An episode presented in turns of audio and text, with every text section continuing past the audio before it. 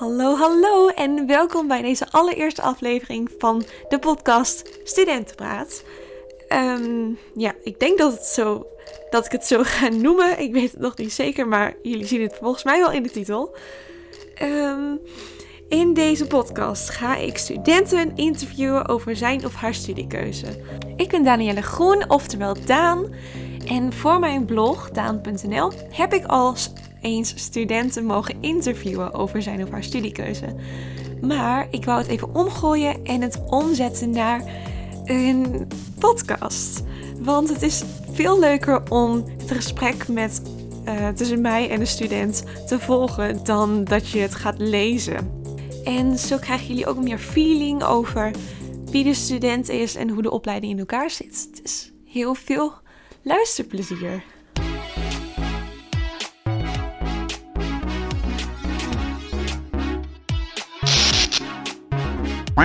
Bij elke nieuwe aflevering heb ik dus een nieuwe gast bij me.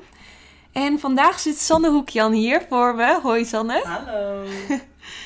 Uh, ze studeert Human Resource Management. Ja, dat is een hele mond vol. Ja, en waar doe je dat? uh, Windesheim, Zwolle. Ja. Nou, dan gaan we gelijk beginnen. Ja, is helemaal goed. Wat wil je weten? Um, mijn eerste vraag. Uh, hoe hebben we elkaar leren kennen? Een beetje als introductie. Ja, ja nee, is helemaal goed. nou, ik heb eerst drie jaar HAVO heb ik in Deesvaart gedaan. Op Vechtal College. Alleen dat kon je niet uh, afmaken in Denemarken. Dan moest je of naar Hardenberg of naar Ommen. Uh, het grootste gedeelte van de klas zei, nou dan gaan we naar Ommen. Dus ik ben gewoon meegegaan. En uh, nou ja, zodoende ja, volgens mij hadden wij voornamelijk kunst samen. Ja. Ja, ik weet niet of we ook nog andere, volgens mij hadden we bijna geen andere vakken samen. Zaten we niet een keer bij elkaar in de klas? Eén, volgens mij één jaar. Ja, dus uiteindelijk hebben ze de klassen weer omgegooid. Mm maar voornamelijk zagen wij elkaar met uh, kunst. Volgens mij was dat de, vooral de vrijdagmiddag een heel lang college. Ja, twee uur, blokuur. Blokuur inderdaad. En dat eindigde pas rond vier uur. Ja. En... Uh, maar ja, was waren toch altijd wat de leukste uurtjes, vind ik zelf altijd. Ja, ik ook. Je kon echt creatief mee bezig zijn. En ja, zo. ja, zodoende. Ja. En uh, nu DM'de je mij. Dus ik dacht, ja. oh nou, ik ga Sanne interviewen. ja, nou helemaal goed. Ja. Um, hoe ben jij tot de keuze gekomen om deze opleiding te doen? Um, nou ja, uh, ik had op de middelbare school een heel breed pakket. Ik ben ook geslaagd op twee profielen. Um, Want ik, ging, ik had van kunst en geschiedenis, had ik biologie en economie. Dus ik wist zelf ook nog niet, zelfs op de middelbare school, niet zo goed wat ik wou. Mm -hmm. En uh, toen heb ik een aantal keuzetestjes gedaan. En dan kwam dan dit keer weer die uit. En dan weer ik die opleiding. Dus elke keer kwam wat anders uit. En uiteindelijk kwam er ook Human Resource Management uit. En dat is eigenlijk een opleiding die een beetje verspreid zit over sociaal en economisch. Dus vaak gaan mensen -hmm. naar Human Resource Management en komen daarachter, nee, ik wil toch bijvoorbeeld bedrijfseconomie doen. Of ik wil toch sociaal-pedagogisch medewerker doen, dat bijvoorbeeld bepaalde aspecten juist niet ligt. Maar er zijn ook heel veel mensen die juist zeggen van, die combinatie die vind ik juist heel prettig. Ja. Dus ik dacht van, nou, ik schrijf me gewoon, ik ben naar een meeloopdag gegaan. Ik uh, ben naar een open dag gegaan en uh, zodoende, uh, helaas was de meeloopdag niet zo heel bruikbaar, want het was een dag met maar twee colleges van een uur, mm -hmm. waarvan één les persoonlijk portfolio was. Dus heel persoonlijk en het was een van de laatste lessen, dus de hel ene helft was niet aanwezig en de helft die wel aanwezig was, was of zij belastingaangifte aan het doen of voetbal aan het kijken. Uh, maar goed, de student kon me toch nog wel een beetje een goede indruk geven van wat de opleiding eigenlijk was. Ja, en waar had je de meeloopdag gedaan? Uh, ook in Zwolle bij Windersheim. Oh ja. En uh, dat was een beetje op aanraden van ja, mijn nicht, die heeft daar ook gestudeerd. Dus zij doe gewoon een meeloopdag. Ik zeg, nou, is helemaal goed, doe ik ja. dat. En het beviel me wel. Ik dacht, ik ga het gewoon proberen. Als het me niet bevalt, had ik altijd nog de backup van, nou, misschien ga ik dan bijvoorbeeld visagie doen aan het mbo. Hè, iets wat ik leuk vind om te doen. Maar laten we eerst dit maar proberen. Want ja. ik wou toch die uitdaging van het hbo wel aangaan. En dat beviel me zo goed dat ik sindsdien eigenlijk... Uh, ja, ik zit nu in mijn afstudeerjaar, dus het bevalt me heel goed. Ja. Ik heb een aantal stellingen voor jou. Okay. Dus je mag ze of krachtigen of ontkrachtigen. Oké. Okay. Um, nou, de eerste. Als je niet kan plannen, is Human Resource Management niks voor jou? Mm, zou ik zeggen dat het niet waar is. Oké. Okay. Want ik ben geen gigantisch geweldige planner. Mhm. Ik ben iemand die heel snel dingen uitstelt. Ehm, ik maak geen fysieke planning. Ik zeg alleen, dit is wat ik vandaag wil doen. En als ik er niet naartoe kom, dan is het morgen goed. En ik kom er ook prima uit. Dus plannen is zeker niet het zwaarste kennis die je moet hebben, zeg maar, om die Ja. opleiding te doen. Vind ik zelf. Nou, mooi. Heb je het wel nodig in het vak? Het is wel handig, want Ja. je krijgt heel veel eh, vakken naar je hoofd geslingerd. Je krijgt Mhm. heel veel eh, van het eerste jaar, heel veel tentamens. Alleen maar tentamens en één groot portfolio aan het einde. Ja. Eh, maar ja, je moet dan wel een beetje. eh, het is wel handig om dan een beetje overzicht te houden. Maar dat betekent niet meteen dat je meteen voor elke dag een strakke planning moet maken. Hou gewoon duidelijk wat je moet doen. En dan kom je er ook wel. Super. Ehm, in het werkveld krijg je altijd een leidinggevende positie. Heb ik ergens gevonden. Ik weet niet of het waar is. Ehm, is niet zozeer waar, maar het is wel. ehm, de opleiding is daar wel op gebaseerd eigenlijk. Het is een hele. Human Resource Management is een heel breed vakgebied. Eerder was het altijd eh, personeelszaken. Dus dat is echt de persoon die je salaris, administratie doet, waar je op Mhm. sollicitatiegesprek komt, die jouw cv leest als je solliciteert. Maar bijvoorbeeld, je kunt ook loopbaancoach worden. En dat hoeft niet zozeer een managersrol te zijn, maar een coachingrol. Ja. Je kunt ook recruiter worden bij bijvoorbeeld Randstad of Tempo Team. En dan ben je niet zozeer de manager, want er staan altijd nog drie man boven jou. Je bent nog steeds wel heel actief bezig met mensen begeleiden, maar je bent niet zozeer een manager die verantwoordelijk is voor een hele afdeling. Dus dat hoeft niet altijd, alleen de opleiding wordt daar wel een beetje naar gevormd. Dat je Ja. uiteindelijk HR-manager wordt, maar dat is zeker niet. Dus als je eh, management kan niet echt ziet zitten, dan kan je alsnog eh, een wat kleinere positie in een bedrijf overnemen. Zeker, zeker. Want ik ben helemaal geen fan van een managerspositie. Ehm, ik heb liever iemand die mij gewoon vertelt wat ik moet doen. En als ik een probleem heb, dat ik daar naartoe kan. Ja. Eh, en ik vind juist de opleiding heel prettig. Dus het Oh, is zeker niet dat, hè, oh, ik durf geen leiding te geven. Ik kan nu de opleiding niet doen. Dat is zeker niet waar. Oké. Ehm, human resource management is erg zakelijk. Mm, het is wel zakelijk, ja. Oké. Het is natuurlijk ook een beetje hoe je het zelf invult, maar hoe je op de opleiding geleerd wordt, is erg zakelijk gericht. Vooral in de eerste paar jaar wordt je heel erg gekeken naar hoe de organisatie, als je organisatie naar mensen kijkt. Dus eh, hoe plant de organisatie eh, bijvoorbeeld eh, personeelsplanning? Gaan we uitbreiden in personeel of niet? Ehm, zijn we heel erg gericht op de zachte kant of de harde kant? En later in het jaar krijg je eigenlijk pas wat meer. Hè, eh, ik heb nu bijvoorbeeld ook ehm, een vak waarbij ik iemand een heel loopbaantraject ga doen. Waarbij ik met iemand in gesprek ga van wat wil je? Ga ik testen doen, een intake, een adviesgesprek. En dan ga je juist heel erg kijken naar de persoon zelf. Ja. Maar het is, eh, als je zeg maar meer de visie hebt van ik wil mensen helpen. Dan kun je beter bijvoorbeeld een opleiding doen als pedagogisch medewerker of psychologie. Of dan bijvoorbeeld een minor kiezen met specialisatie daarin. Want de opleiding is wel een beetje meer gefocust op het zakelijke aspect van mensen. zeg Oké. En Daarop gebaseerd heb ik nog de laatste stelling. Oh nee, één na laatste stelling. Mhm. Eh, je krijgt bij Human Resource Management veel te maken met cijfertjes. Dat valt dus best mee. Oké. En daar ben ik ook heel blij mee.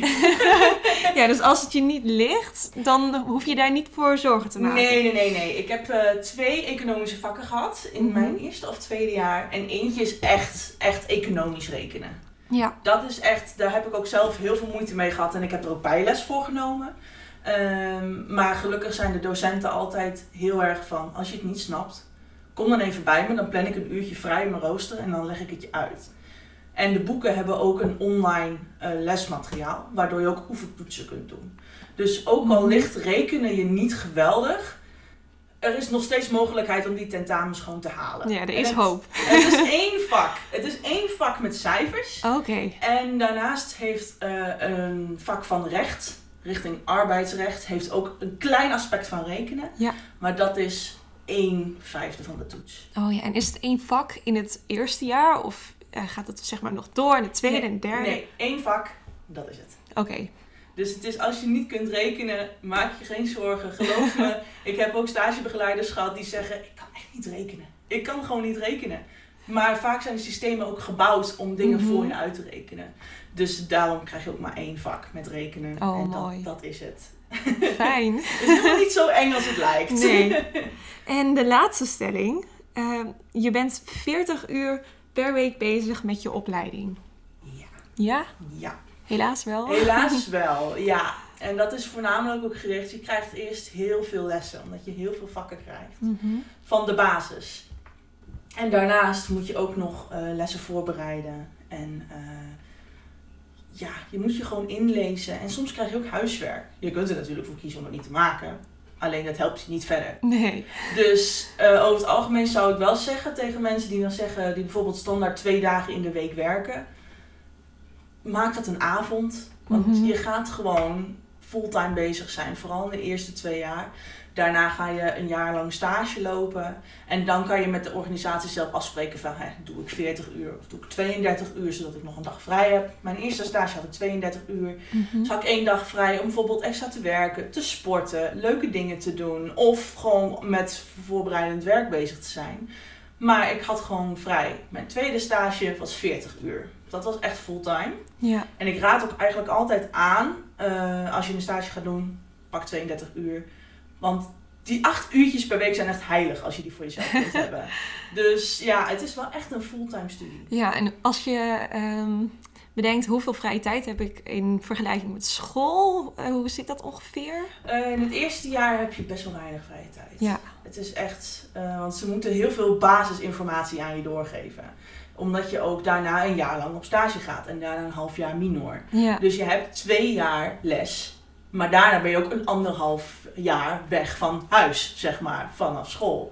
Dus ze moeten je ook wel echt genoeg aangeven om wat mee te kunnen in je stage. Mhm. En dat is natuurlijk ook heel logisch. Ja, en daar zit natuurlijk heel veel tijd in. En Er zit heel veel tijd Mhm. in en uiteindelijk heb je ook projecten die je moet gaan doen eh, voor bedrijven. Dus dan ga je naar een bedrijf van, hé, hey, mogen wij een analyse op jullie doen of een onderzoek of een opdracht. En daar zit ook heel veel tijd in. Dus op de momenten dat je dan wel vrijgeroosterd bent, ben je eigenlijk altijd met je project bezig. Want daar kom je anders niet aan toe. Mhm. Dus ja, het kost wel echt gewoon fulltime. En ja, je stage kun je zelf kiezen. Doe ik 32 of 40 uur. Tijdens je minor is dat heel anders. Want een minor is eigenlijk één groot vak. En dat zijn dan hele kleine vakjes uitgemaakt. Maar mijn minor was bijvoorbeeld maar anderhalve dag in de week. Ja. Maar dat kom je pas in je derde jaar. ja, dat duurt nog even dat voordat je daar bent. even. Mhm. En nu in mijn laatste jaar eh, is het erg druk. Alleen nu vanwege corona hebben ze heel veel vakken ingekort Mhm. omdat ze het anders gewoon niet aankunnen met lessen. Omdat de klassen veel zijn meer klassen, maar dan kleiner. Dus ja, je moet toch al die klassen lesgeven. Dus wij hebben elk vak maar om de twee weken nu. Mhm. Maar normaal gesproken zouden we echt weer fulltime bezig zijn. Ja. Dus ik kan niet over het vierde jaar zeggen van als je bijvoorbeeld deze podcast luistert over drie jaar, moet je nu niet gaan luisteren van hoe ik mijn laatste jaar ervaar. Want dat is puur gebaseerd op de pandemie waar we nu in zitten. ja, want je zou anders gewoon echt nog vol bezig zijn met je Ja. studie. Ja, dan zou ik eh, gewoon elk vak elke week krijgen. Ik Ja? ben nu twee dagen per week uitgeroosterd. Mhm. Normaal gesproken zou dat maar één zijn. Ja. Eh, maar ja, omdat het gewoon geen, niet genoeg eh, tijd is. Loop jij ook vertraging door de corona? Ik gelukkig niet. Oh, fijn. Maar er zijn wel heel veel mensen die met afstuderen zijn vertraagd. Ja. Eh, en dat komt ook omdat je laatste stuk eh, is stage. Is een stage. Mhm. En als jij vanwege een stage, eh, als je zeg maar vanwege corona je stage niet kan doen, of omdat het bedrijf zegt we hebben hier geen tijd meer voor, we hebben hier geen geld meer voor, ehm, of je kunt je opdracht gewoon niet uitvoeren omdat je niet in de organisatie kunt zitten. Ja. Er zijn best wel wat mensen die daardoor hun stage niet hebben af kunnen ronden. En die lopen nu een half jaar achter. Die moeten hun afstudeerstage nu dan nog weer een keer doen. Ja. Of bijvoorbeeld eh, mensen die nu dan aan een stage hadden moeten beginnen, die geen stage hebben kunnen vinden. Dus je kan er zeker wel eh, vertraging mee oplopen. Ik heb alleen geluk gehad dat ik tijdens de corona-uitbraak een minor had. Van maar anderhalve dag in de week, die ook nog eens digitaal werd. Oh, fijn ja. Dus ik Ja. heb er geen vertraging mee op kunnen lopen. Maar er zijn genoeg mensen die het helaas wel hebben. Ja. Eh, nou, dat waren de stellingen. Nou, leuk. Eh, kun jij mij kort vertellen wat je allemaal leert op jouw opleiding? Oeh, nou zoals ik al zeg, je leert eh, eigenlijk is het een beetje opgesplitst tussen basis vanuit het bedrijf en dan uiteindelijk vanuit de mens. Mhm. Maar wat jij leert is eigenlijk, want je vak is eigenlijk, ehm, je zit in een organisatie en een organisatie heeft mensen nodig. Jij bent degene die verantwoordelijk is voor de mensen. Dus mensen aangenomen worden, hoe mensen doorstromen. Dus bijvoorbeeld promotie krijgen of demotie. Of Ja. mensen eh, ontslagen worden of ontslag nemen of met pensioen gaan. Maar ook dingen zoals van, eh, willen mensen verder ontwikkelen? Willen mensen meer leren? Willen ze eh, een expert worden in een vakgebied? Of willen ze juist compleet ergens anders in de organisatie bezig? Je bent met heel veel dingen tegelijk bezig. Dus dat leer je ook. In het begin leer je heel erg van, oké, wat is human resource management eigenlijk? Wie ben jij in de organisatie? Dus daar haken ook heel veel mensen al af. Ja. Dat ze zeggen van, ik heb geen zin om op kantoor te zitten en eh, alleen maar met mensen te moeten praten en overleggen. Daar heb ik geen zin in. Hoeveel hebben er in het eerste jaar ehm, ja, gestopt? We zijn begonnen met zes klassen. Ja? Tweede jaar hadden we vier klassen. Oké, dus dan... Er is ongeveer anderhalve klas a, nou zal ik maar zeggen dat ongeveer 50 mensen dan ongeveer gestopt zijn. Ja. En dat is ook gewoon omdat het een opleiding is waar mensen naartoe gaan als ze niet weten wat ze moeten. Dus heel veel Mhm. mensen die, die zie je dan, die gaan of naar pedagogisch medewerker, de sociale kant op. Of die gaan juist de zakelijke kant op. Dus dan... eh, ehm, Ja, de bedrijfs Bedrijfskunde. economie, Bedrijfskunde inderdaad. En dat is ook waarom het verloop bij onze opleiding best wel hoog is. Maar Ja. dat is niet omdat de opleiding dan niet goed is. Dat is gewoon dat mensen daar erachter komen wat ze eigenlijk willen. ja. En dat vind ik op zich nog niet zo erg, dat er dan zoveel mensen stoppen. Want dan weten ze in ieder geval wat ze wel willen. Ja, dat is ook wel goed. Ja. Maar ja, het is alsnog... Je leert heel erg wie je moet zijn in de organisatie en hoe de organisatie ook naar jou kijkt. Ja. Want je zit eigenlijk altijd in een splagaat. Want hier zit de organisatie die wil wat voor jou. En aan de andere kant zitten mensen die willen wat voor jou. Ja, de mensen zullen altijd zeggen, we willen meer loon, we willen meer arbeidsvoorwaarden, we willen meer Mhm. vrije tijd. En de organisatie zal juist denken, we willen meer omzet, we willen, meer, eh, we willen groeien. En dan ben jij de tussenpersoon die ik dat ben regelt. eigenlijk de tussenpersoon die de boel in balans houdt. Ja. Want ja, als je alleen maar naar de organisatie gaat kijken, dan krijg je ontevreden medewerkers. Als je alleen maar met de eh, medewerkers bezig bent, is er een grote kans dat de organisatie niet de groei kan maken die ze willen maken. Dus jij bent degene die de handjes bij elkaar brengt totdat ze handen kunnen schudden van hier zijn we het mee Ja. eens. En zo hou je dat elke keer een beetje in balans. Mhm. Dus ja, dat leer je ook heel veel, die balans. Dat is heel belangrijk. Ja. Eh, is de opleiding meer praktijkgericht of heb je ook veel theorie? Maar hoe zit die balans tussen praktijk en theorie? In het eerste jaar krijg je heel veel theorie. Ja. Heel veel theorie. En de praktijk die merk je eigenlijk pas op het moment dat je stage gaat lopen. En dat is in het derde. In het eind van het tweede Ah, jaar. oké. Eh, het is zeg maar in februari van het tweede jaar. Dus het tweede deel van het tweede jaar doe je één. Heb je zomervakantie. En dan begin je in september weer met je tweede stage. Je Ja. kunt ook kiezen om bijvoorbeeld een minor ertussen te doen. Maar over het algemeen doen mensen twee stages na elkaar. En de eerste stage, dat is gewoon een onderzoekend stage. Dan eh, ga je daar ook meewerken. Je gaat zien hoe het is. En daarnaast doe je ook een onderzoekje van hè, eh, wat zijn bijvoorbeeld, eh, hoe is de organisatie gericht in cultuur bijvoorbeeld. Hè? Hoe Ja. gaan mensen met elkaar eh, in gesprek? Hoe... Dus dan ervaar je echt Dan, de pra- praktijk ervan. ja, je ervaart Mhm. echt hoe het is. En in het eerste jaar heb je een keuze tussen een gewoon HR-afdeling, dus gewoon bij een organisatie op kantoor, of bij een uitzendbureau. Oh, dus je hebt in je eerste jaar ook stage? Of niet? Of mijn eerste stage bedoel ik. Oh, eerste stage. Eerste stage, ja. Je kunt kiezen eh, tussen uitzendbureau of HR-manager, zeg maar. Ja. En dat is een bewuste keuze die je maakt. Want in het tweede jaar ben je verplicht om een HR-afdeling stage te doen. Oké. Dus ga jij ervoor dat je een HR-afdeling stage doet die je mogelijk kunt voortzetten in je tweede stage? Of kies je ervoor om een complete andere kant te bekijken? Ik heb er zelf voor gekozen om de eh, andere kant te bekijken. Om echt te Mhm. gaan kijken van oké, hoe is het dan bij bijvoorbeeld Randstad of Tempo Team? Is dat dan zoveel anders dan als ik dan het- straks mijn tweede stage ga doen? Is dat wat voor mij of juist helemaal niet?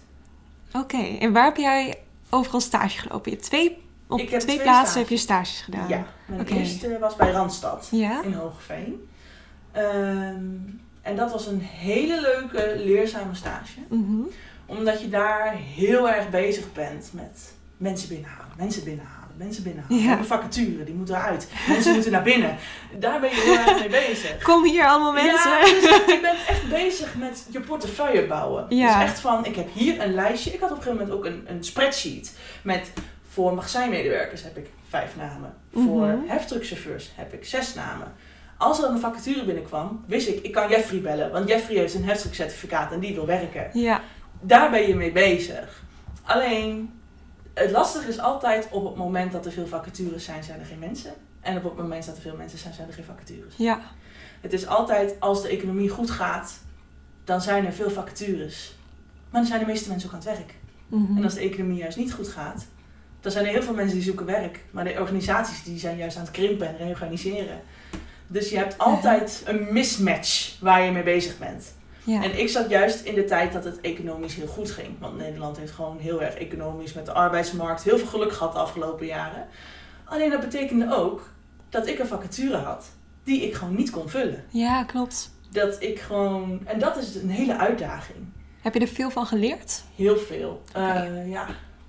Ik heb heel erg angst gehad voor bellen. Ik denk dat, echt, dat het echt een beetje zo'n millennial Generation Z ding is. Dat iedereen Ja. heel bang is om te bellen. Ja, dat heb ik ook hoor. Dat, is, dat is echt een ding. Want je hebt WhatsApp, je hebt DM's van Instagram, Ja. je hebt Messenger, je hebt sms. Je kan elkaar zo makkelijk bereiken, maar toch, dat bellen blijft een ding. Het blijft een ding. Ja. En dat had ik ook heel erg. En toen hebben ze gewoon gezegd van... Sanne, jij bent verantwoordelijk voor alle telefoon die binnenkomt. Ja. Toen heb je je angst Ik overwonnen. heb mijn angst echt overwonnen. Oh, Als ik bijvoorbeeld de Belastingdienst moet bellen, Ja? ik bel gewoon voordat ik ze een bericht stuur of een mail. Ja. Ik bel echt veel sneller nu en dat gaat ook zoveel makkelijker. Mhm. En dat heeft me echt geholpen. Ehm, ik heb ook heel veel projecten zelf gedaan en mogen doen. Eh, ik weet nog dat ik toen op een gegeven moment een keer eh, onderweg was naar huis. Dus ik stond bij de bushalte. Mhm. En toen kreeg ik een berichtje van mijn stagebegeleider. Van Sanne, de kandidaat die jij gesproken hebt, die is dan wel niet voor onze vacature aan het werk, maar die zocht voor drie weken of zo een tussenbaantje tussen twee banen in. Ja. En die had ik dus voorgesteld aan mijn collega van de andere afdeling. En hij was daar gewoon aangenomen. En toen, toen bedacht ik me echt van, dat krijg je echt wel een soort zelfverzekerheidsgevoel van. Ja, fijn. Ik, ik doe iets goeds. Ja. En dat bleef elke keer. En uiteindelijk, het zelfvertrouwen straal je ook uit naar je stagebegeleider. En uiteindelijk was ik ook alleen op de afdeling. Ik hield het zelf draaiende. Mhm. Ik had zelf vacatures kreeg ik binnen. Die schreef ik, die zette ik uit. Ik had mensen op gesprek. Ik was echt gewoon net als de rest. En Mooi. dat was heel leuk. Ja. Ik kon helaas niet blijven. Eh, ze hadden me heel graag willen aannemen, maar er was geen ruimte voor. Mhm. Eh, alle stagiairs bij Randstad konden helaas niet blijven. Er was geen ruimte voor stagiairs. Die konden blijven werken. En op welke twee plekken had je ook weer stage gedaan?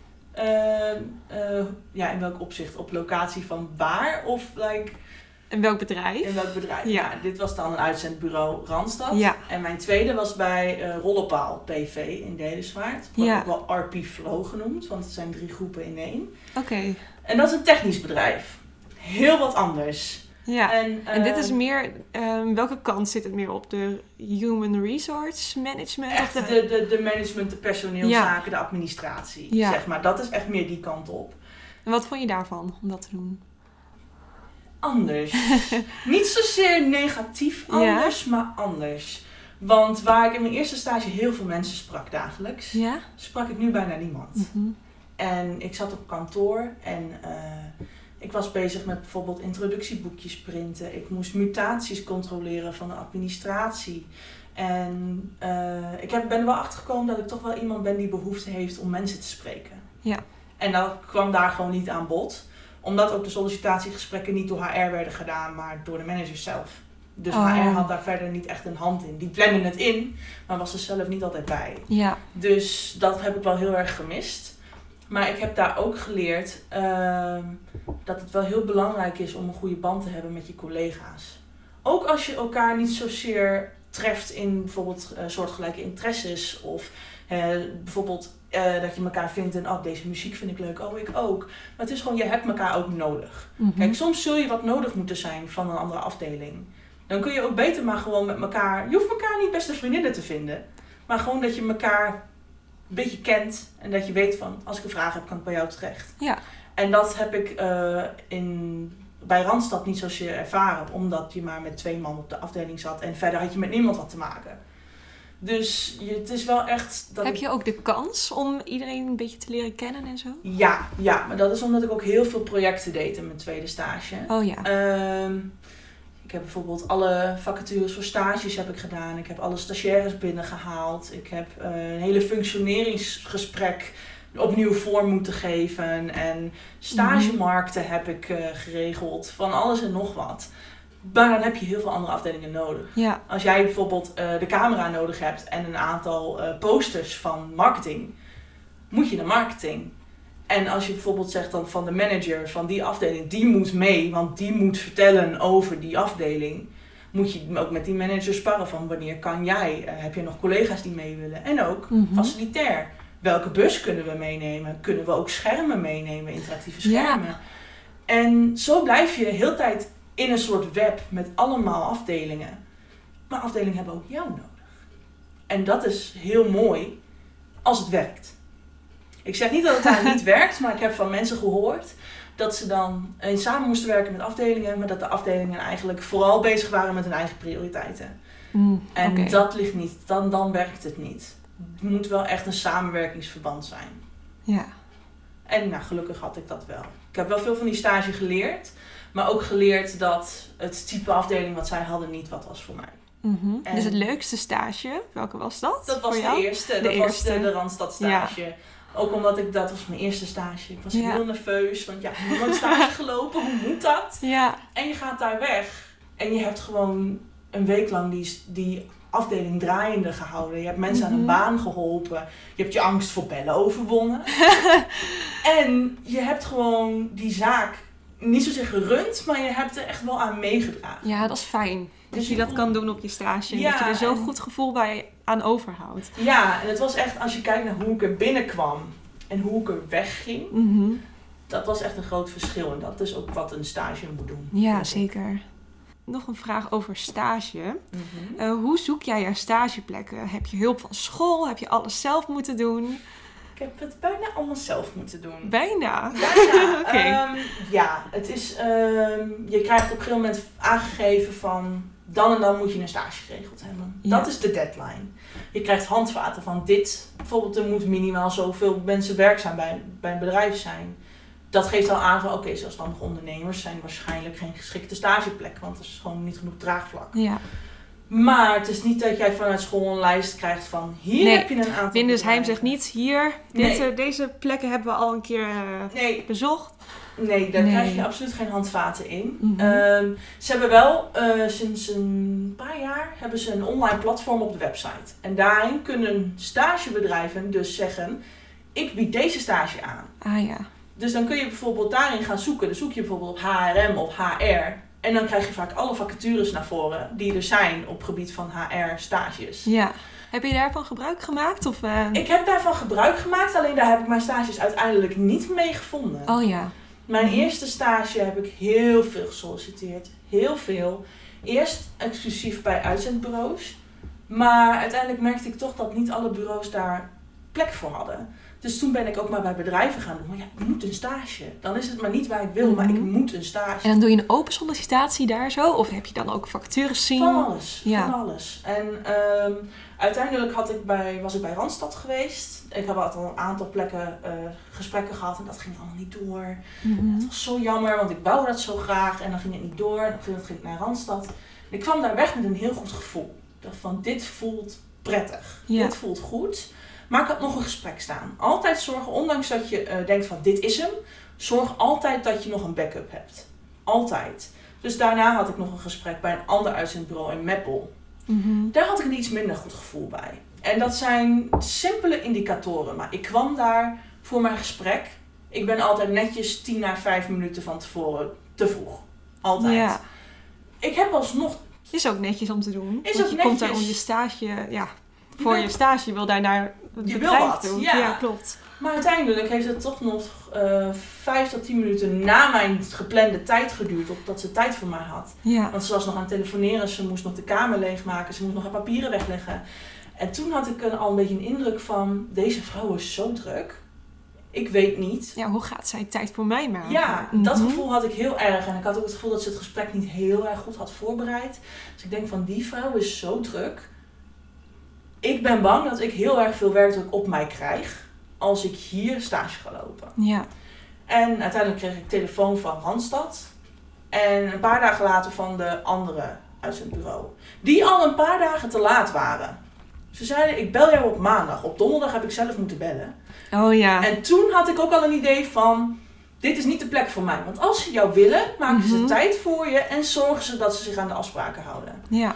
En toen eh vroeg ze meteen al, heb je al ander, eh, ander nieuws? Ze waren- zeiden eerst van, ja, ik ben heel enthousiast over je, maar heb je van die andere al gehoord? Want gewoon- Oh, nou, ze gaan dan Jan, Ja. je dan even teasen. En toen eh, heb ik gezegd van, nou hè, ja, ik heb al gehoord. En ik heb ja gezegd puur vanwege afstand. Want Meppel had, daar kon ik met de bus heen. Ja? Alleen als ik terug moest, moest ik met de trein naar Zwolle. En van de Zwolle weer een bus nemen naar Dedesvaart. Waardoor ik gewoon anderhalf uur onderweg was, weer terug. Mhm. Versus 30 minuutjes heen. Ja, Dus- dat is het verschil. Dat was ook een factor wat meespeelde. En ik heb ook verder niks over hun gezegd. Ik heb gewoon gezegd van, hè, eh, het, het is gewoon qua reistijd beter te doen. Mhm. En toen kwamen er toch een beetje van, ja, ja, ja, daar waren ze niet zo blij mee dat ik dan nee zei. Nou, En toen uiteindelijk dacht ik wel van, ik heb de juiste keuze gemaakt. Ja, is maar fijn. toch is het goed om een backup te hebben. mhm. En mijn tweede stage heb ik gewoon gebeld. En dat was gelijk, eh Ik hey heb- Sanne, ik eh, doe dit en dit. En Ja, eh, mag ja. ik je stage lopen? Ja, natuurlijk. Eigenlijk wel. Ik Oh, heb gewoon fijn. gebeld van, Ja. hey, ik zoek een stage. Ja. Zei ze van, ik verbind je even door. En toen zei die vrouw, ja, we hebben geen vacature uitstaan, maar ik heb altijd plek voor een stagiair. Oh, leuk. En toen was ik daar op gesprek geweest en ik had er een heel goed gevoel bij. Mhm. Ik dacht leuke projecten en, en leuke ideeën. En ik denk van, dit voelt goed. Maar ik moet daarbij zeggen, daarvoor had ik al wel, denk ik, twintig sollicitaties de deur uitgedaan. Open sollicitaties. Ja. eh, op vacatures. Een aantal gesprekken gehad. Allemaal niks, allemaal nee. Maar dat komt ook. HR is een grote opleiding. Zoals ik zei in het eerste jaar al zes klassen van 25 man. Ja. Al die mensen zoeken in regio Zwolle een stage. Dus je zult altijd twee of drie concurrenten hebben van dezelfde opleiding. Ja. Dus dat was ook een dingetje wa- waardoor de zoektocht altijd heel lang wordt. Maar omdat ik zelf heb gebeld, was er geen concurrentie. En hoe lang was je ongeveer bezig met je stage zoeken? Eh, Moet je echt een, ja, een tijd van tevoren ja, vrijnemen om dan echt voor te gaan zitten? En, eh, Je moet wel op tijd beginnen. Ja. Zeker. Eh, ik ben nu ook weer op zoek naar een stage. Ja. Ik hoef in december pas aan te geven waar mijn stage is. Ik heb nu al een oproep gezet op LinkedIn. Omdat ik weet, bij mijn vorige stage heeft het echt wel iets van drie, vier maanden geduurd. Ja. Voordat ik uiteindelijk bij mijn stage kwam. Net op tijd voor de deadline. Even kijken, het is nu 24 september. En je hebt in december dan Ja, een stageplek nodig. ja, Ja, dus wel echt eh, drie, vier maanden van tevoren aan de slag. ja. En het is ook, ik moet in december doorgeven. Maar de stage is pas in februari. Ja. Dus eh, dan krijg je altijd van, be- bedrijven denken echt niet in september al voort naar februari. Daar zijn ze echt niet mee bezig. Ze zijn bezig met het afronden van de zomerperiode, voorbereiden op de winterperiode. En Mhm. ze zijn nog niet bezig met volgend jaar. Dat komt echt pas in oktober, november, misschien pas december.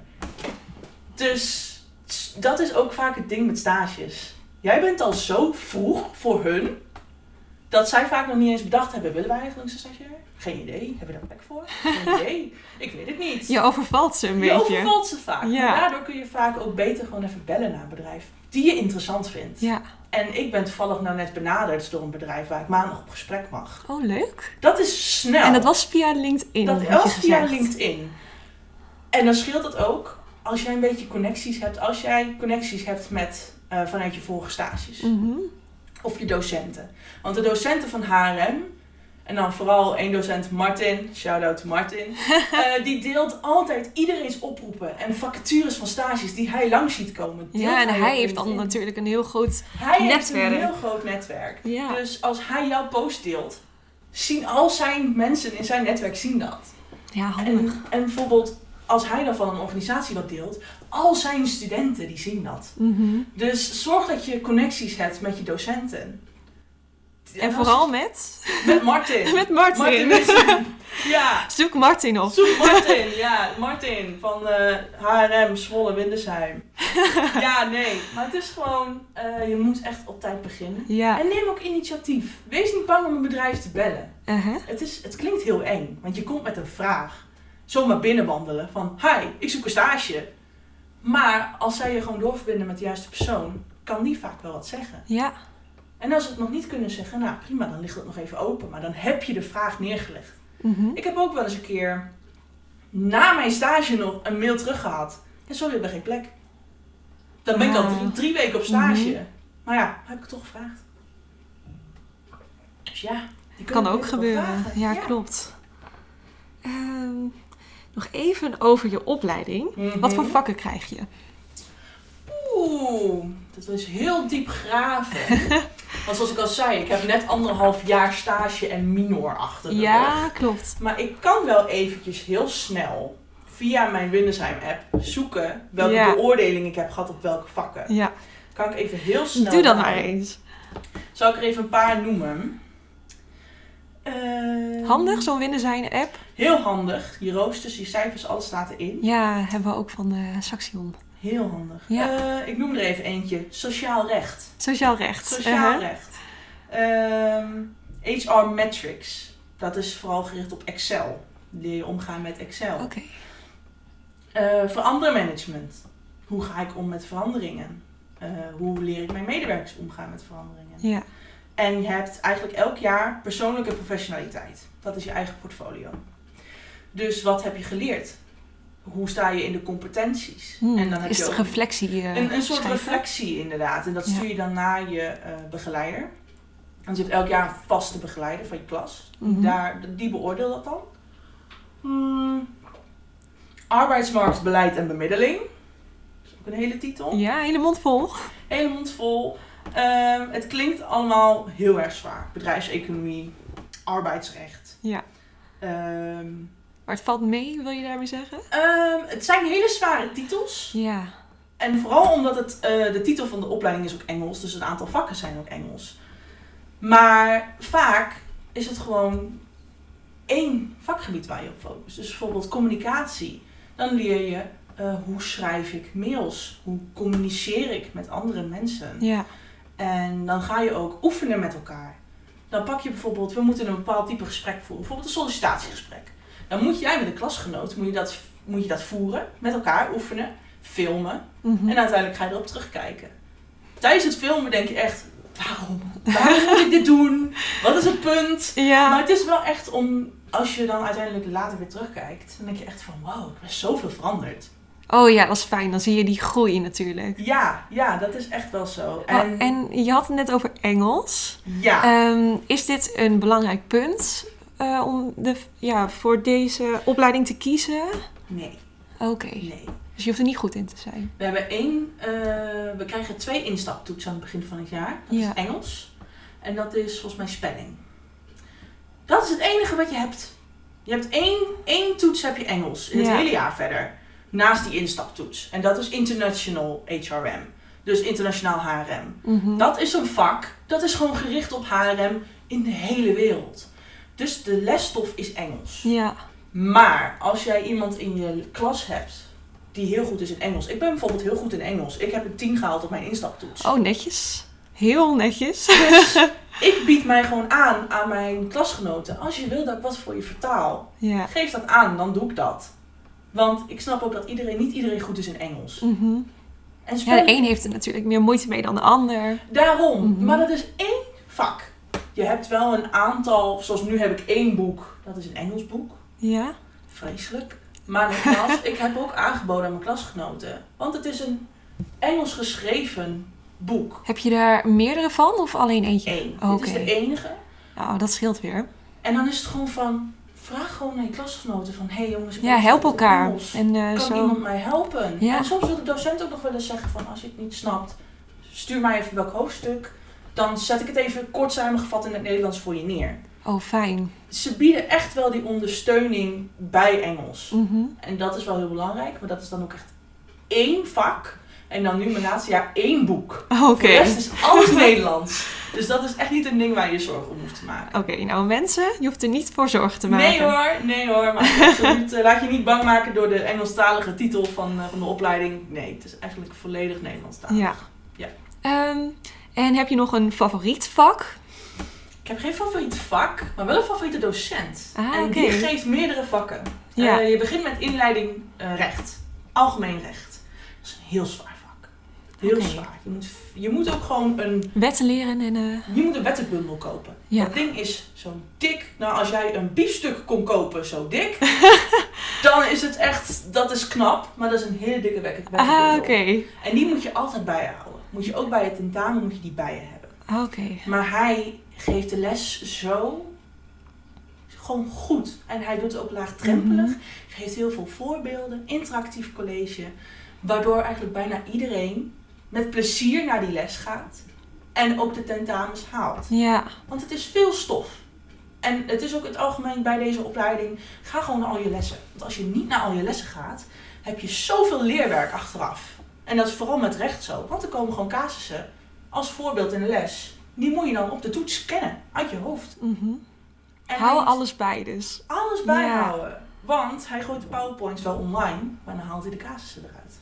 Oh. Of dan haalt hij halve dia's. Haalt hij bij een halve zin haalt hij het eruit. Ja, dus je wordt echt Je wordt wel- beloond om naar de les te komen. Zeker, Mhm. zeker. En ja, dat is, dat is Anne, Anne Venema. en hij is ook gewoon heel actief binnen de school. Oh En ja. hij is gewoon met heel veel organisatorische dingen bezig. En hij geeft alle rechtsvakken. Ja. En hij maakt het makkelijk. ja. Ik zeg niet dat het vak makkelijk is, Mhm. maar hij maakt het makkelijk. Dat is mooi. het Sommige docenten maken ook echt de opleiding, maken ook echt de Ja. vakken leuk. Ja, ja, en Anne is daar zeker, zeker één van. Ja, mooi. Ja. En ja, dat zou ik ook zeggen van die vakken heb ik ook het meest van geleerd. En heb ik ook Mhm. het leukst gevonden. Ja. zelf. Maar goed, dat ben ik. Het kan zijn dat je bij recht komt en alsnog denkt van, bah, vind ik helemaal niks. Ja, Maar ja, dan heb je tenminste een leuke docent die dat dan eh, docent- compenseert. Ja, je hebt een docent die je er doorheen helpt. Ja, zeker. fijn. Ehm, nu even een topic over school en je klas. Mhm. Eh, wat vind je van Windesheim als school? Oeh, oeh, oeh. Dat is een hele, hele, hele gevaarlijke vraag. Ah, raad je mensen aan om daar naartoe te gaan? Ik raad het wel aan, Ja. maar dat is meer om de visie te bekijken van alle andere scholen die er zijn. Wat om de? Ja, om te kijken wat, wat voor andere opties heb je. Ah, oké. En Windesheim heeft een award gekregen afgelopen jaar van de op één na beste hogeschool van Nederland. Mhm. Maar ik moet zeggen dat ook Windesheim nog niet alles goed voor elkaar heeft. Communicatie is echt een ding waar Windesheim nog in kan verbeteren. Ja. En je moet ook vaak bij docenten zelf achter dingen aangaan. Zelf vragen stellen. Van, hè, eh, ik snap dit niet. Dan moet je ze echt mailen. Je moet echt zelf naar ze toe gaan. En vooral in je eerste jaar kan dat best wel eng zijn. Omdat je dat Mhm. niet gewend bent. Je bent gewend dat de docent zegt, dit is wat je moet doen. Dat is je huiswerk. Dat moet volgende week vrijdag. Het staat in magister.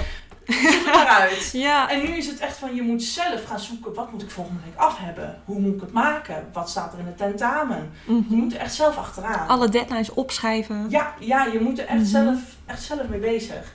En dan is het wel handig als de eh, organisatie zelf de communicatie wel goed heeft. Ja. En dat is soms nog wel iets waar Windersheim iets kan verbeteren. Nou merk ik ook sinds ik de minor heb gedaan op een ander domein. Want je hebt zeg maar domeinen binnen Windersheim waar de opleidingen in zitten. Ja. Ik zit zelf in business, media en recht. Maar je hebt ook de op, eh, de, het domein waar de leraaropleiding bijvoorbeeld zit. Ja, Daar dat is een heel ander stuk natuurlijk. Ja, en daar heb ik mijn minor gedaan. Ja. En daar zijn de docenten ook heel anders. Heel open, Mhm. heel makkelijk Mhm. bereikbaar, heel duidelijk en meedenkend. Ja. En bij business, media en recht zie je toch dat veel docenten vaak ook nog ondernemers zijn daarnaast. Veel docenten hebben daarnaast nog bijvoorbeeld eh, een eigen bedrijf of een eigen recruitmentbureau. Of Mhm. die hebben een, eh, een, een blog, zo, maar dan echt een actieve blog bijvoorbeeld. En die zijn met meerdere dingen dan lesgeven bezig. Ja. Die zijn ook veel drukker. En die krijg je dan soms wat minder makkelijk te pakken. En dat is soms wel vervelend. Mhm. Maar dat is iets waar je dan rekening mee moet houden. En vooral hou dan ook rekening met elkaar als klas. Als jij bijvoorbeeld iets hebt genoteerd, gooi gewoon in de klas van: hé hey jongens, vergeet niet, we hebben dan en dan dit. Of hé hey jongens, ik snap het niet, wanneer moet dit en dit af zijn? Ja. Spar met elkaar. Want vaak is er dan eentje die het wel meegekregen heeft. En die kan dan met de hele klas meteen helpen met één vraag. ja, dat is fijn. Dus wat je zegt over communicatie en zo, dat geldt dus niet voor heel Windesheim. Nee, maar, is, Het is zeker wel een ding op bij Human mijn Resource heb ik het wel ervaren. Zo, Ja. ja. Oh ja. Ehm, over je klas. Zijn er meer jongens of meer meisjes die ehm, in je klas zitten? En hoe zit het over het hele opleiding eh, Human Resource Management verdeeld? mm, toch wel iets meer meisjes dan jongens. Mhm. Ehm, En heeft dat een reden, denk je? Ik denk dat dat komt omdat het best wel een sociale opleiding is. Ja. Het is een sociale opleiding en ja, je bent toch heel veel in gesprek met elkaar. En eh, je gaat ook heel erg focussen op zelfontwikkeling. En ik denk dat sommige. Dat het jongens die trekken toch wat vaker naar de bedrijfseconomie kant. Gewoon de harde feiten. Mhm. En hè, niet zoveel van ik voel me zo. en, en, en dat is niet om te stereotyperen, want ik heb Uh-huh. zeker heel veel jongens in de klas gehad die echt nog beter zijn dan ik Ja. met communiceren en dat soort dingen. En die ook veel meer inzicht hebben dan ik. Maar het is toch iets populairder onder de vrouwen dan, dan de jongens. Ja. Maar niet aanzienlijk veel. Oké. Nou, dus dan heb je nog een beetje... Een beetje Van alles. Het is niet één groot kippenhok. Oh, goed om te weten. Het is geen groot kippel. Ja, dus als je jonger bent en je denkt ik vind het een hele interessante opleiding. Maar Ja. ik ben bang dat ik daar als jongen echt verdrink onder de vrouwen. Nee, dat is niet zo. Dat is absoluut niet zo. Eh, en heb je een leuke klas? Ja. Ja, het is een hele leuke klas. Eh, Mhm. Vooral omdat je wat verder in de opleiding komt. Ja? dan zie je ook toch mensen die nemen het serieus. In het eerste jaar heb je Mhm. nog heel veel mensen die een beetje het van, ik weet niet wat ik wil, oh, het is wel goed, ik ga niet zo mijn best doen. Ja. En het is absoluut niet erg als je zelf een beetje, je moet ook genieten van het studentenleven. Hè? Ik bedoel, je moet ook een beetje denken van, nou, een keertje met die uit of een keer eh, met die Ja. mee en gewoon leuke dingen doen. Moet je ook zeker doen. Maar in het eerste jaar willen mensen nog wel eens onderschatten. En dan eh, denken ze toch van, hè, nou nee, dit is het toch niet, dan gaan ze weer weg.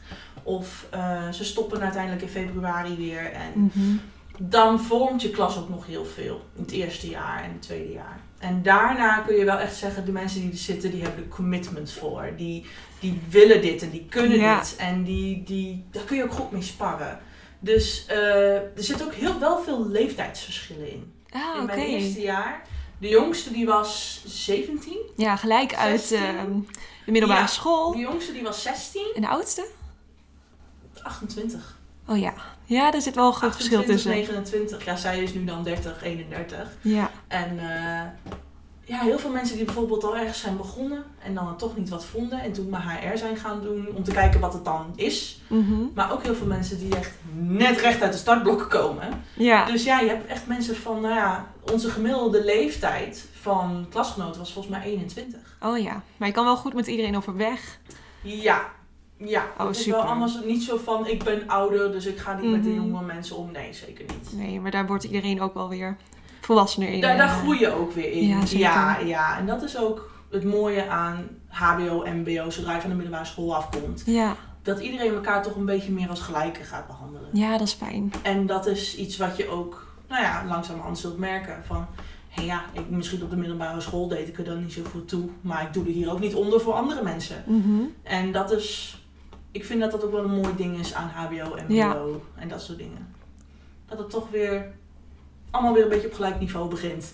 Je kent elkaar Mhm. niet, je hebt geen achtergrond van elkaar, we beginnen allemaal weer bij nul. Ja, dat vind ik ook fijn. Dat je gewoon weer lekker kan beginnen aan je studie en iedereen die eh, Ja, ja, doet gewoon mee. precies, precies. Ja. Zo is dat ook. En hoe groot zijn je klassen trouwens? Eh, Ongeveer tussen de 20 en 25. Oh, ja. denk ik. heb je ook hoorcolleges met z'n allen? Ja, ja. Eh, ja, vooral volgens mij arbeidsrecht waren wel hoorcolleges. Ja. Ehm, maar de meeste zijn wel gewoon met je klas, gewoon apart in een lokaal. Maar omdat recht, arbeidsrecht zo'n groot vak was, wat iedereen gewoon moest volgen van één docent, hadden we vaak hoorcolleges. Oh ja. Maar dat is dan vaak ook in een heel groot auditorium en met boksen erbij en een microfoon, zodat je het goed kunt horen. Mhm. En het is gewoon ruimte om vragen te stellen. Dan krijg je gewoon een microfoon of zo hand gedrukt van nou hè. Maar ja, ja, je krijgt wel wat hoorcolleges, maar het meeste is toch wel echt meer op persoonlijk niveau. ja. Eh, en een vraag over je studentenstad. Wat vind je van Zwolle als studentenstad? En eh, ben je er regelmatig te vinden? Ik niet. Nee, Nee. maar dat is om mijn persoon zelf. Ik ben niet iemand die uitgaat Mhm. eh, tot diep in de nacht met feestjes is, met, eh, met mensen naar de kroeg gaat. Zo ben ik zelf niet. Mhm. Eh, dus ik kan ook niet uit eigen ervaring spreken, maar ik heb wel van klasgenoten gehoord die gaan naar het Vliegende Paard. Dat is echt zo'n stereotypisch, echt typisch HBO. Ja, dat is de club van Dat Zwolle, is, hè? Ja, dat is echt de HBO-kroeg van Zwolle. Ja. En daar gaan ook heel veel klasgenoten van mij heen. En ik heb ook gehoord dat ze het gewoon heel leuk vinden om uit te gaan. Maar ik vind Mhm. Zwolle sowieso ook een leuke stad. Als je bijvoorbeeld vroeg vrij bent, je hebt college van 9 tot 12 en daarna ben je vrij. Ga je toch lekker met je klasgenootjes het centrum in. Ja, en je kan het ook keer- gewoon daarnaast doen, na je, naast je opleiding. Gewoon nog even wat feesten, Ja, want af en toe. er is ook een bus bij de campus en die, eh, die stopte eerder altijd midden in het centrum. Mhm. En volgens mij stopt hij daar nog steeds wel. Eh, en dan ben je in het centrum van het campus, meteen. Dus dan kun je ook zeggen van jongens, we gaan lunchen in het centrum. Of we gaan even winkelen met z'n drieën bijvoorbeeld. Ja, Ik vind het wel echt een hele leuke stad en het is ook makkelijk bereikbaar. Het is niet zo groot als bijvoorbeeld een, een, een Leiden of een Rotterdam of een Amsterdam. ja. Dat je meteen kunt verdwalen in het centrum. zeg maar. dat is Zwolle niet. Het Nee, wel- dat, dat geloof ik wel. Het In Zwolle kan je nog allemaal overzien. Ja, Maar je hebt er ook hele leuke eh, restaurantjes. ja, en dat is ook wel vaak. eh, ik en mijn oude klasgenoten die gingen dan één keer per jaar vaak bij Ingeburgerd eten in Zwolle. Oh, leuk. En dan eh, daarvoor of daarna liepen we nog wel eens rond en dan gingen we daar een drankje doen of Mhm. nog eventjes winkelen. En je ziet eigenlijk altijd groepjes studenten altijd wel bij een restaurantje zitten. Ja, En dat is ook een beetje waar eh, Zwolle op gebouwd is. Je hebt heel veel restaurantjes die gewoon heel goedkoop zijn. Ingeburgerd is ook niet heel duur. Je hebt ook nog ergens bovenin een heel smal restaurantje. maar dat is een pizza-restaurant waar je voor 8 euro een pizza kunt eten. ja. Dat is echt, Zwolle is wel gebouwd ook voor studenten. Oh, fijn. Dus ja, als je denkt van, ah, ik Dus als je op kamers daar zou gaan, die kan je echt goed vermaken in Zwolle. Ja, en het is ook, eh, eh, je hebt ook bepaalde kamers vlak bij de campus. Ja? Dus die zijn echt gebouwd ook voor bij de campus, vlakbij. En je hebt gewoon een gigantische fietsenstalling op Windesheim. En Mhm. zelfs een fietsenmaker. Dus als jij op school komt en je band is lek, je kunt gewoon naar de fietsenmaker. En die maakt jouw fiets en dan kun je weer naar huis. Ja, Dus ja, ik, eh, en de buslijn natuurlijk vlak bij de campus. Dus ja, ik vind wel dat Zwolle er wel goed op gericht is. Ondanks dat het niet zoveel opleidingsinstituten heeft, is het toch wel, een, denk ik, wel een prettige studentenstad. oké. Super. Ehm, over de moeilijkheid van je studie. Ehm, hoeveel mensen waren er gestopt na het eerste jaar? Mm, dat is Ongeveer? Ongeveer anderhalve klas, denk ik. Ja. Dus dat zou toch wel iets van eh 30, 40 man zijn geweest, denk ik. Ongeveer. Want we gingen van HRM 1 tot en met 6 Mhm. naar HRM 1 tot en met 4. Ja. Dus één klas werd ook opgesplitst en verspreid over de andere klassen. Dus klassen werden wel iets groter. Maar Denk je dat het aan de moeilijkheid ligt dat de mensen stoppen? Of is dat gewoon omdat ze Mm. denken, ja, dit is toch niet iets voor mij, ik ga een andere studie doen? Ik denk dat het grotendeels ook is omdat, eh, omdat mensen er toch achter komen dat het niet wat voor hun is. Ja. Ook een stukje moeilijkheid. Want je krijgt best wel heftige vakken zoals arbeidsrecht, psychologie Mhm. bijvoorbeeld. Er zijn heel veel mensen die eh psychologie tentamen niet konden halen. Omdat Ja. het toch een stukje een bepaald soort inzicht van je vraagt. En als je dat niet ligt, dan kan het best moeilijk worden. En als jij je, niet al je tentamens hebt gehaald voordat je uiteindelijk je stage gaat doen, kan je geen stage doen. Mhm. Dus dan loop je vertraging op. En ik denk ook dat heel veel mensen die zeiden dan in februari van nou ik stop. Maar ik kom dan bijvoorbeeld in september weer terug. Ja, dan mag je het opnieuw En doen, dan de hè? vakken die je al gehaald hebt, die heb je al gehaald. Die Ja. hoef je niet meer te volgen. Dan zeggen ze ik ga me puur focussen op dat tentamen wat ik nog niet gehaald heb. Mhm. Daar ga ik het hele, de hele paar maanden mee bezig. Want de andere vakken heb ik vrijstelling voor. Die hoef je niet te volgen. Dus je Ja. hebt veel meer tijd. Zijn ze streng met ehm, de propedeuse? Want je, je hebt dan 60 punten, neem ik aan. Ja, En hoeveel moet je halen om naar het volgende jaar te Eh, gaan? Je bent niet verplicht om je propedeuse in één jaar te halen. Nee, Zeker nee. niet. Ehm, maar het is wel voor het einde van het tweede jaar... is het eigenlijk wel vereist om je propedeuse al wel te hebben. Ja. Voordat je op stage gaat, zeg maar. En ehm, hoeveel vakken mag je missen om naar het tweede jaar te gaan? Volgens mij een stuk of twee of drie. Hangt er een beetje vanaf hoe zwaar de vakken wegen. Oh ja. Eh, je mag zoveel, ik weet niet meer precies hoeveel credits je dan mag missen. Maar dat komt vaak neer op twee tot drie vakken of zoiets. Mhm. En het mag ook nog wel eens dat als je je eerste stage gaat doen, is het vaak ook nog wel oké als je dan één vak bijvoorbeeld niet hebt, die moet je dan in je stage herkansen. Maar je tweede stage, dan moet je echt propedeuse hebben, anders kan je niet door. Ja. En heb jij je propedeuse gehaald? In, in mijn eerste jaar, ja. Oh, zo. ik heb eh, één tentamen moeten herkansen en de rest allemaal in één keer kunnen halen. Ja. Dus eh, ik had mijn eh, propedeuse in één keer. Eh, maar is- ja, dat is, dat, dat is inderdaad Mag je trots op zijn? We waren ook niet met... Maar dit is ook echt niet erg als je het niet haalt. Want Nee, wij tuurlijk waren niet. bijvoorbeeld met maar tien man Ja. van onze klas van 25 die de propedeuse in één keer hadden. Ja, en het is soms ook maar één vak die je dan niet haalt. En dan doe je het Daarom. volgend jaar gewoon nog een En keer. dan doe je het nog een keer. Al ben je drie Mhm. of vier keer aan het herkansen. Maakt niet uit. Ja. Weet je, zolang je doet op je eigen tempo. En de examencommissie, Mhm. als jij bijvoorbeeld al je kansen hebt benut en je haalt het nog niet, omdat je bijvoorbeeld een overlijden hebt gehad in de familie, of Mhm. je hebt zelf gezondheidsklachten of wat dan ook. Je kunt bij de examencommissie altijd aangeven van, hé jongens, dit en dit is er gebeurd. En dan krijg je nog een extra kans. Ja. En die kun je dan nog weer benutten. Of als je dan bijvoorbeeld één keer niet bent geweest, kun je ook zeggen, ja sorry, maar ik lag in het ziekenhuis.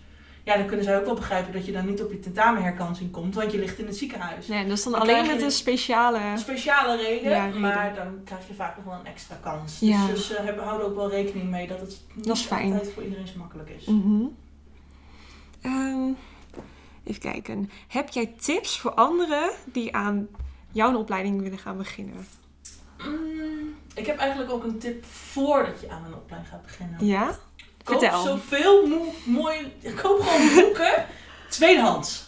Koop je boeken zoveel mogelijk tweedehands. Ja. Echt doen. Echt doen. Eh, ik heb de meeste boeken heb ik nieuw gekocht. Mhm.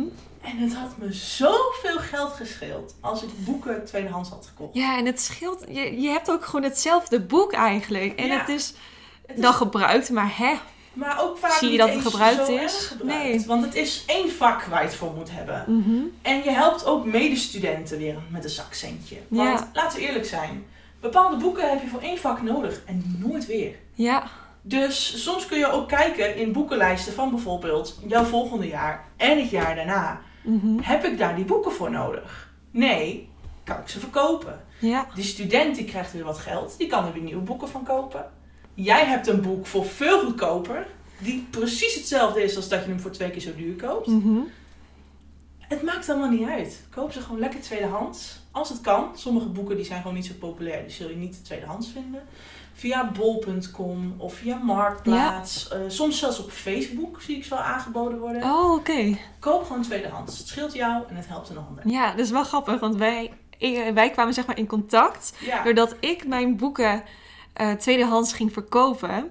Toen had ik een, eh, een story in mijn verhaal gezet van, oh, ik heb een boek verkocht, tweedehands. En toen was Sanne zo van, ja, altijd tweedehands kopen en ook verkopen, goed Ja. bezig. ja. Ja, En ik heb het ook gedaan. Ik heb Ja. ze ook tweedehands gekocht. ik En, heb ook eh, al mijn boeken koop ik tweedehands. Ja, ik heb één keer een negatieve ervaring gehad en verder niet. Ah, En dat kwam was het boek niet aan of ik kreeg een boek van iemand anders. van iemand anders? Die persoon had de boeken ingepakt, zo door elkaar geshuffeld, Oh, stickers erop geplakt en iedereen kreeg een boek van iemand anders. ja. Maar vaak als je het via bijvoorbeeld bol.com koopt, die heeft geprobeerd die persoon te bellen, dat nam niet op.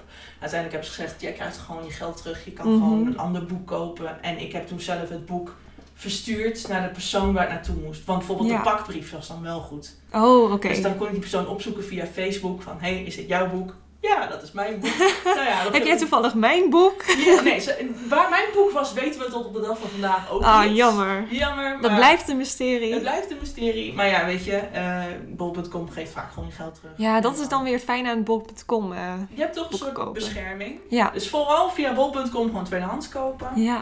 Verder, ga naar al je colleges. Ook als die niet verplicht zijn, Ja. ga naar je colleges. Oh, tweede tip. Ja, tweede tip. Ga Ja. gewoon naar al je colleges. Ja. Tenzij een docent zegt, het is een vragenuurtje en je hebt geen vragen, dan hoef je niet heen.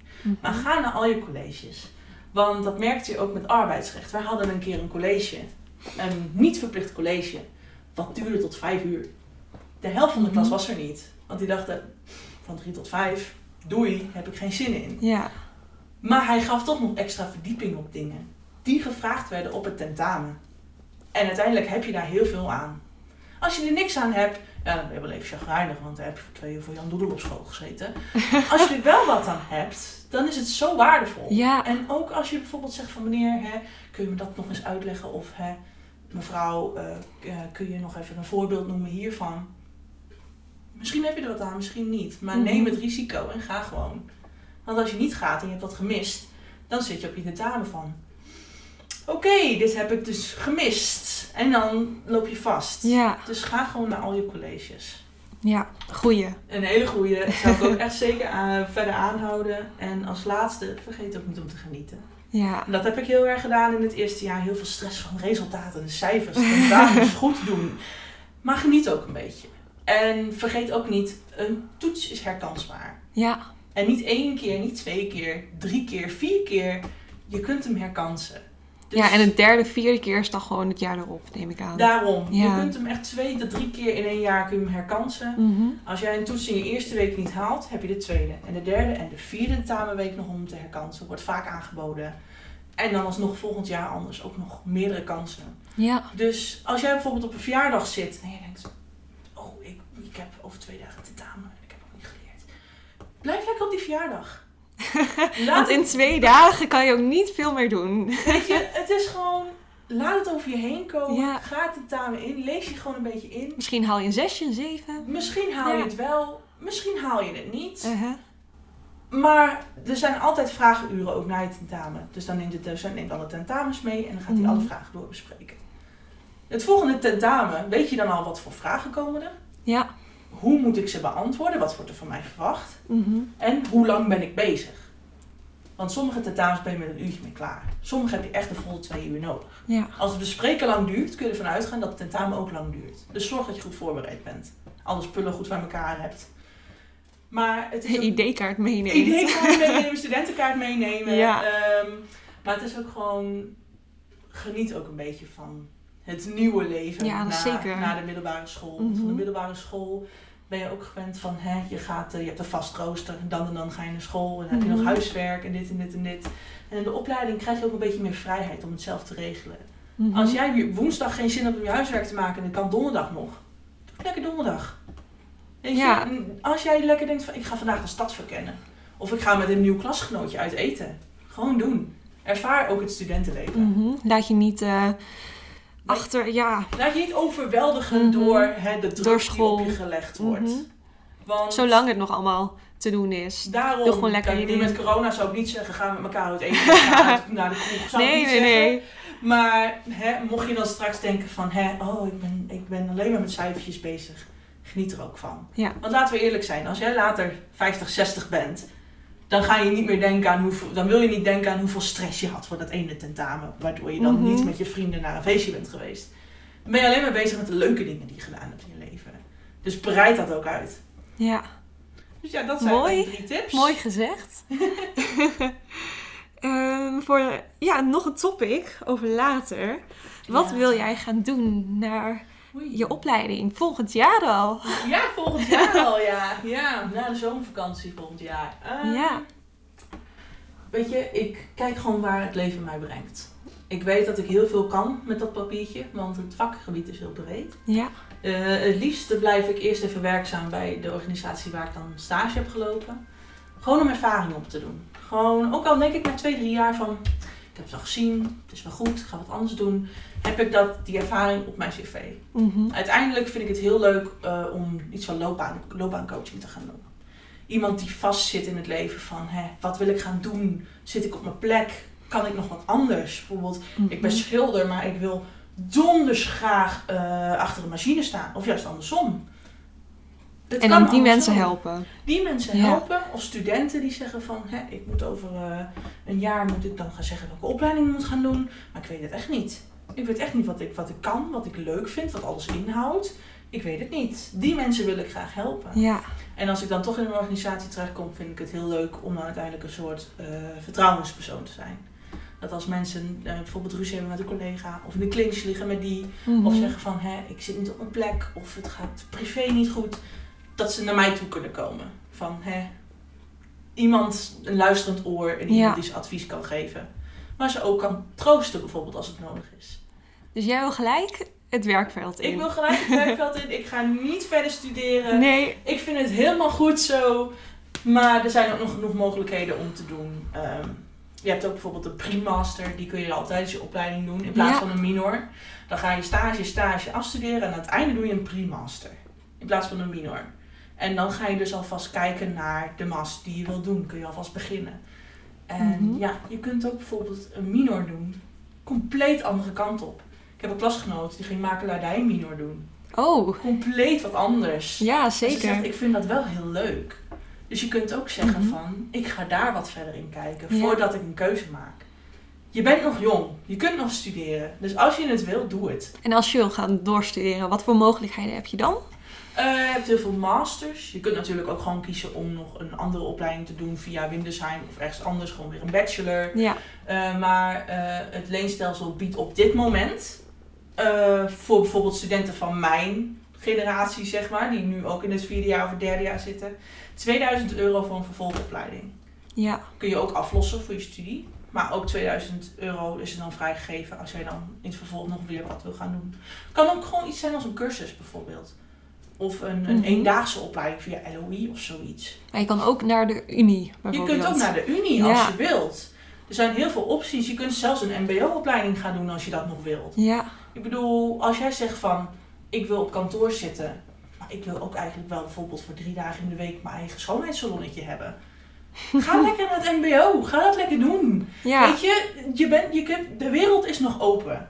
Je kunt het nu nog. Ik zeg niet dat mensen die eh, jarenlang geen opleiding hebben gedaan, het niet meer kunnen. Want mijn moeder heeft nog een opleiding gedaan. eh, een kleine opleiding om, voor medicijnen die ze verkoopt, zeg maar, bij de supermarkt. En mijn vriend is nou net weer gestart met zijn vrachtwagenrijbewijstheorie. Ja. En die is ook al twee jaar van Je bent af. nooit te oud om te leren. Zeker niet. Nee. En zolang je nog in dat leerproces en die state of mind zit, Ja. Ga gewoon lekker door. Mhm. Als je dat wil. Ik wil dat persoonlijk niet. Ik wil gewoon geld verdienen. Ik wil gewoon naar de bak. Ik wil gewoon het volwassen leven in. Ja. Maar als jij nog even een student wil blijven, blijf lekker student. Doe, doe wat je wil, doe wat goed voelt. Zeker. Daar ben ik ook helemaal mee eens. Mm, wat voor cijfer geef je jouw opleiding als geheel? Geheel. Ja. Oei. Een 8, denk ik. Een 8? Een 8. Oké, en hoe ben je tot deze conclusie gekomen? Ehm, een 8 vanwege de docenten. Ja? Die zijn heel erg, eh, doen heel erg hun best voor de leerlingen. De vakken zijn interessant. Alleen de minpunten voor de communicatie bijvoorbeeld. En eh, het is soms wel heel veel. Mhm. En het is wel, eh, je hebt dan een tentamenweek en dan heb je kan zomaar zijn dat je zo'n vijf of zes tentamens hebt. En dat is best veel. En Ja. dat kan ook best wel overweldigend zijn. Als je dan bijvoorbeeld een tentamen hebt. Ik had toen een rechttentamen dat eindigde tegen vijf uur. Dus dan was ik tegen zeven uur pas thuis. En de volgende dag om negen uur had ik weer een ander tentamen. Ja, dat is Dat, druk. dat is heel veel. Ja. En dat is heel zwaar. En eh, je moet ook jezelf in check houden. Ook mentaal. Zorg Mhm. ervoor dat je niet overstroomt in werk. Zorg ervoor dat je ook je eigen dingetjes blijft doen. Je hebt misschien wel 40 uur aan studie, tuurlijk. en misschien heb je ook wel een bijbaan. Ja. Maar zorg dat je gewoon lekker naar, naar de voetbaltraining gaat, of de volleybaltraining. Of als je bijvoorbeeld een schilderclubje hebt of een kookclubje. Ga daar ook gewoon lekker naartoe. Want als je jezelf alleen maar overweldigt in werk, trek je het ook niet. Dus je moet ook zelf wel regelen dat je die druk zelf ook een beetje relativeert. Ja. Vandaar een 8, omdat de opleiding die best wel veel naar je toe gooit. Maar het is allemaal wel interessant en de docenten zijn ook allemaal wel heel aardig en heel kundig. Ja. Nou, Dus- ik vind de 8 nog best wel hoog hoor. Het is best hoog, maar het Mhm. is gewoon, je moet die werkdruk wel aankunnen. Ja. En soms is het veel. En daarom is het ook belangrijk om daar ondersteuning bij te zoeken. Windersheim heeft ook heel veel verschillende platformen daarvoor. Als jij zegt, Mhm. ik kan echt niet plannen, ik kom met mijn planning niet uit. Ga je naar het Studie Succescentrum en dan zit iemand en die helpt jou met plannen. Ja. Ze hebben ook zelfs een psycholoog op school. Dat als jij zegt van, ik raak echt bijna overspannen, kun je daar naartoe. Ja, het is En- fijn dat het een mogelijkheid De eh, mogelijkheid ligt is. er. En het is gratis. Je kunt Ja. er gewoon naartoe. En je kunt bijvoorbeeld ook een abonnement nemen op de eh, sportschool die ze daar hebben. Oh ja. Dat is volgens mij eh 100 euro voor één jaar. Ja. Ja, dat is minder dan 10 euro per maand. Je kunt er zwemmen, je kunt er klimmen, je kunt er cardio doen, je kunt er krachttraining Oh, leuk. doen. Dus zelfs als je dan denkt van, oh, ik heb zo'n zware dag gehad vandaag. Direct vanuit je les naar die sportschool, spring het water in. of, of ga op die, op, die, op die lopende band. Maakt het niet uit. Dat is er ook nog. Ja. Dus, en natuurlijk, je kunt ook... Zit dat op eh dat zit, dat zit op de campus. Oh, oké. En de campus heeft ook nog een eigen aparte kantine waar ze ook speciaal biertjes schenken en bitterballen verkopen. Oh ja. Dus daar, daar kun je ook nog naartoe. Dus er zijn, Windersheim biedt ook heel veel faciliteiten. En dat is ook wat waard. Mhm. Dus vandaar die 8. Alleen communicatie is voor mij heel belangrijk. Dus vandaar dat het geen 10 is of een ja, ja, 9. ja. Daar kunnen ze nog misschien een 10 of een 9 van maken. Dat maar, kan, eh, maar weet je, de basis is goed. En Ja. er zijn genoeg extraatjes die er liggen. Ja.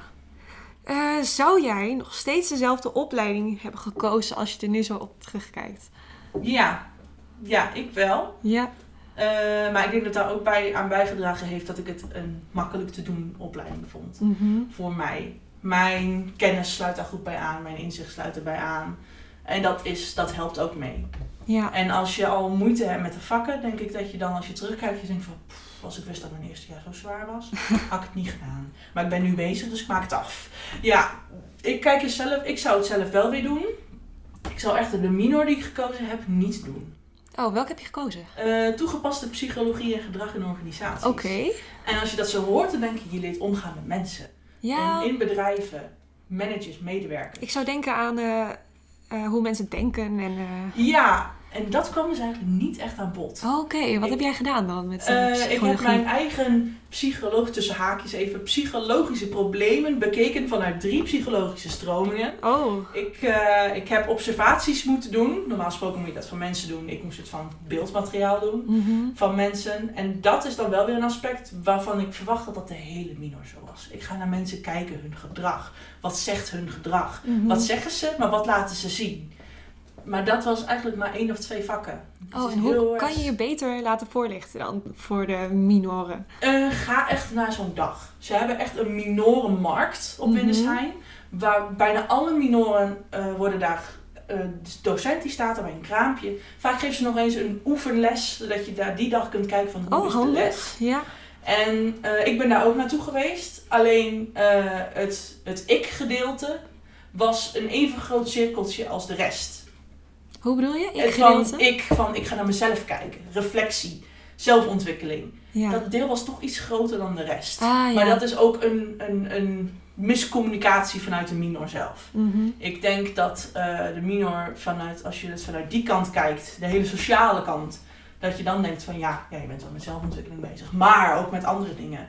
Als je juist vanuit HRM komt, wat een wat meer zakelijke opleiding is, krijg je heel veel zelfreflectie naar je hoofd gegooid. Wat je eigenlijk niet zoveel meemaakt bij Ja. HRM. En dat is ook wel wennen. Ik heb er ook wel wat van geleerd. En het is een minor waarbij alle opleidingen eigenlijk bij elkaar kwamen. Ik heb een, meerdere docenten, ook ICT'ers, twee HRM'ers, eh, mensen van eh, een compleet ander instituut Mhm. kwamen allemaal naar ons toe. En de minor is ook wel goed om van elkaar te leren. Alleen als ik had geweten dat de minor zo was gelopen, had ik hem zelf niet gekozen. Ja. En dat advies geef ik ook aan mensen die mij dan vragen van, hè, hoe zit de minor in elkaar? Dan zeg ik altijd van, nou ja, je zou misschien verwachten dat het zo is, maar het is zo. En vaak de mensen die dan HRM hebben gedaan, die mij dat vragen, die haken af. Maar ja, dat is omdat je ervan uitgaat dat je leert van, hoe denken mijn mensen? Weet je, hoe kan ik omgaan met het gedrag van mijn mensen? Daar ben je alleen maar mee bezig.